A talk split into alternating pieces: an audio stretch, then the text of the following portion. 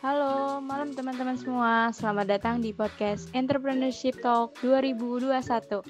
Nah, semoga teman-teman semua dalam keadaan sehat dan semangat terus ya dalam menjalani aktivitas hari-harinya. Oh ya, sebelumnya kenalin dulu nih, nama aku Aini yang bakal jadi host untuk menemani kalian di podcast ini. Jadi, di podcast ini kita bakal ngebahas tentang cara memulai bisnis bagi pemula. Oke, nggak lama-lama lagi nih, langsung aja nih kita panggil narasumber kita yaitu Mbak Trisea. Halo Mbak Sea. Halo. Apa Hai kabar ini? Hai Mbak, apa kabarnya Mbak? Kamu? Alhamdulillah baik juga. Oh ya Mbak, uh, sebelumnya nih Mbak Sea boleh perkenalan diri dulu nih buat teman-teman yang belum tahu atau mungkin belum kenal sama Mbak Sea. Silakan Mbak. Oh iya, terima kasih. Halo semuanya, kenalin nama aku Trisea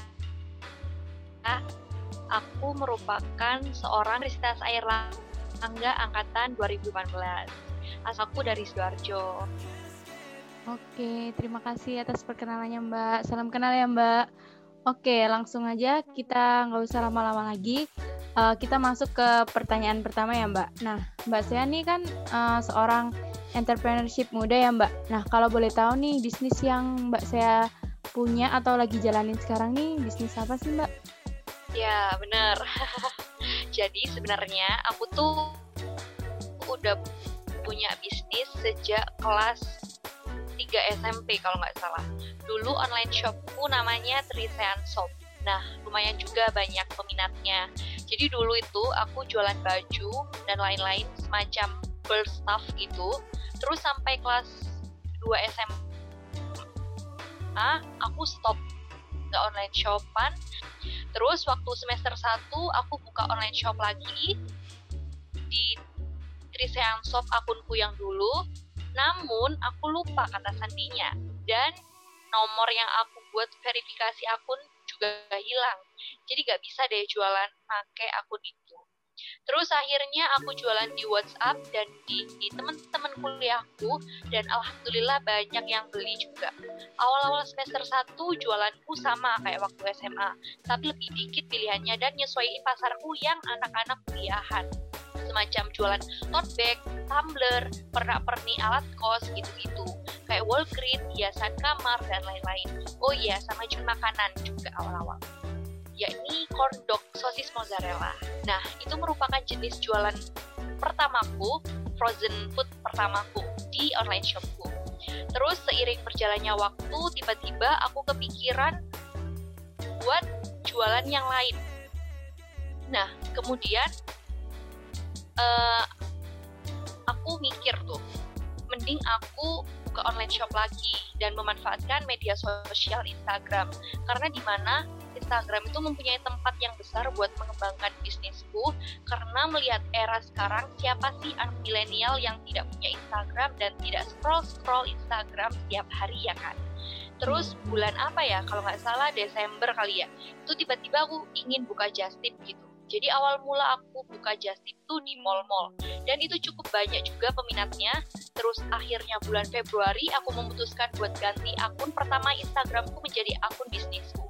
Karena aku mikirnya nggak apa-apa deh akun pertamaku buat dijadiin akun bisnis. Daripada aku harus cari pasar lagi kan? Toh ya rata-rata yang beli di aku itu ya tahu dari Instagram gitu Terus Februari aku ganti nama akun Instagramku yang awalnya Trisanity menjadi My Os. For your information teman-teman, kenapa aku namain My Os? Karena aku mikirnya ini masih usaha sampinganku dan dibalik akun My Mini My Mini OS ini ada owner yang masih mengemban pendidikan dan berkeinginan untuk membesarkan bisnis ini jadi My Big OS. Hehehe. Sebuah wishlist ya teman-teman. Terus cerita lanjutannya, aku tuh mikir kayaknya kalau aku mau ngembangin bisnisku, aku harus nambah ide jualanku.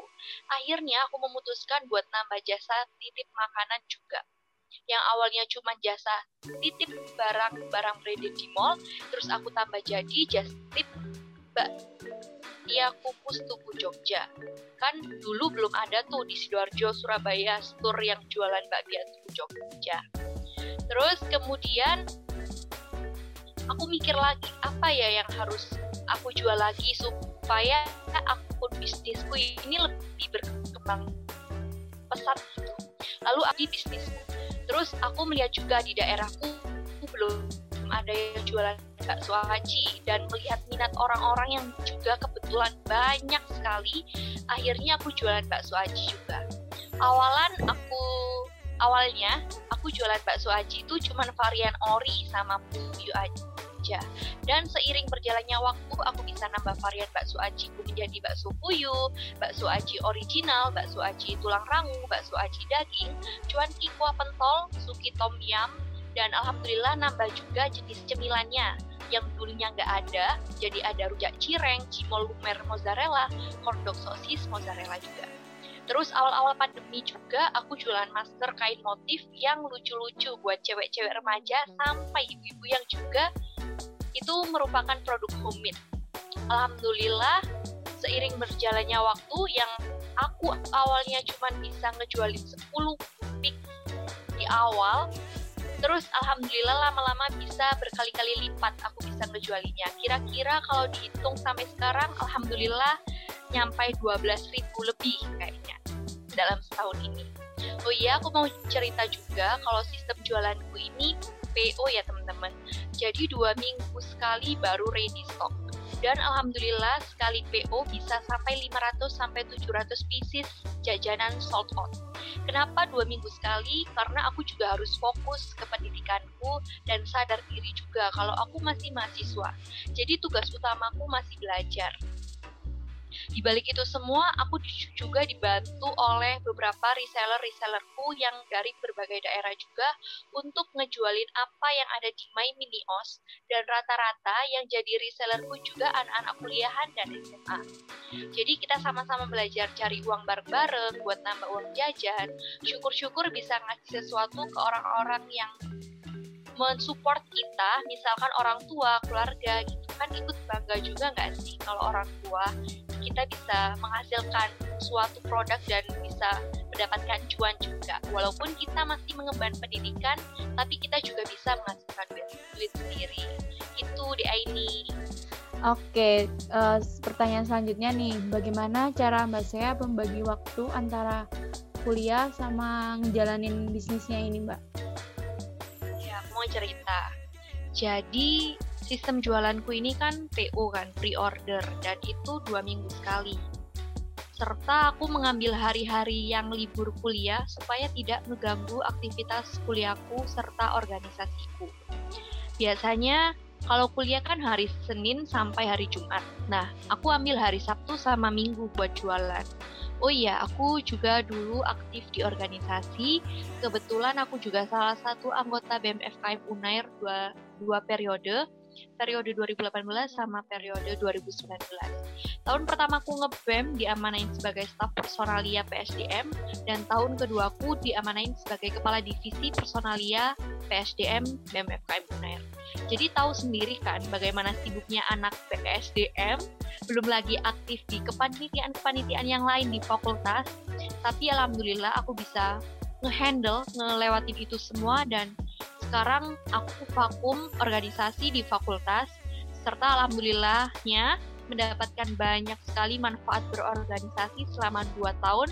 Selain pengalaman, pelajaran, aku juga bisa berhasil mendapatkan beasiswa Cendekia Basnas kategori aktivis muda di UNER tahun 2020 kemarin.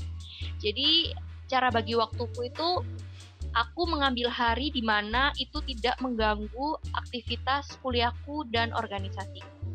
Jadi contohnya kayak tadi, aku ngambil hari buat jualan itu hari Sabtu sama hari Minggu. Hari weekendku ku gunakan untuk berjualan. Seperti itu.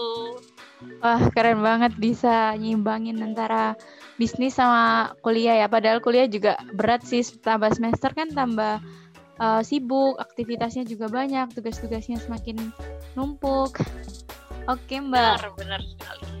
Oke, terakhir nih Mbak, ada nggak sih buat uh, dari Mbak tips and trick buat kita kita para pemula yang ingin mau memulai bisnis tapi bingung nih uh, memulainya tuh mulai dari mana seperti itu? Uh, saran gitu ya, saran-saran buat?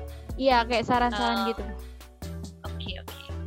Uh, kalau dari aku sih, yang pertama, kalau kalian bingung, bisa tanya-tanya dulu ke orang-orang yang menurut kalian berkompeten di bidang bisnis. Misalkan orang terdekat kalian, entah itu orang tua kalian, atau saudara kalian, atau kakak kalian yang menggeluti usaha, kalian tanya-tanya dulu ke mereka. Bagaimana caranya memulai bisnis, bagaimana caranya membangun mitra, dan lain-lain. Terus, yang kedua, perhatikan kebutuhan di sekitar Anda. Jadi manfaatkan sebaik mungkin kesempatan yang ada. Misalkan kayak aku kemarin, awal-awal pandemi, pasti orang-orang banyak mencari masker kan. Nah, apalagi waktu pandemi kemarin itu kan masker bener-bener mahal kan. Nah, aku punya inisiasi kayak bagaimana caranya supaya mereka masih bisa menggunakan masker tapi dengan harga yang terjangkau dan tidak sekali pakai aja. Jadi aku bikin masker kain motif gitu. Terus yang ketiga, manfaatkan sumber daya yang ada. Yang keempat, tentukan lokasi untuk memulai bisnis Anda. Misalkan aku mau uh, berawal dari online shop gitu, nggak apa-apa. Terus percaya diri saat memasarkan. Jadi jangan malu-malu dan jangan kayak setengah-setengah ya kalau kalian mau memasarkan produk kalian pede aja gitu terus tanam jangan kepercayaan. maaf ya mbak jangan gengsi ya kayak mungkin soalnya iya, kan anak anak muda sekarang kan uh, gengsinya tinggi tuh ada yang ah nggak mau ah jualan. Padahal kan uh, aku mampu orang tua aku mampu ngapain jualan gitu ya, kan. benar benar benar benar sekali. Jadi jangan gengsi teman-teman. Jangan segan-segan juga untuk meminta tolong ke teman-teman kalian buat tolong dong promosiin akun bisnis aku. Jangan jangan gengsi jangan malu-malu jangan sungkan-sungkan buat meminta tolong ke teman-teman.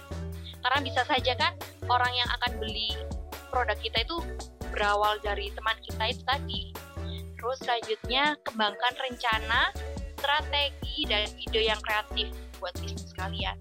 Terus yang terakhir semangat terus gak boleh menyerah karena semakin lama semakin banyak tantangan yang akan dihadapi selama berbisnis. Itu sih dari aku.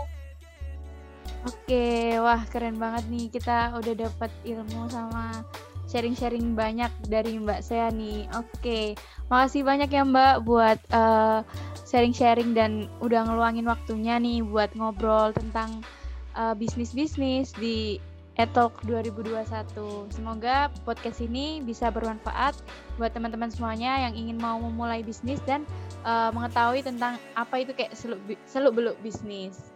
Oke. Okay. Uh, sukses terus buat Mbak Sea.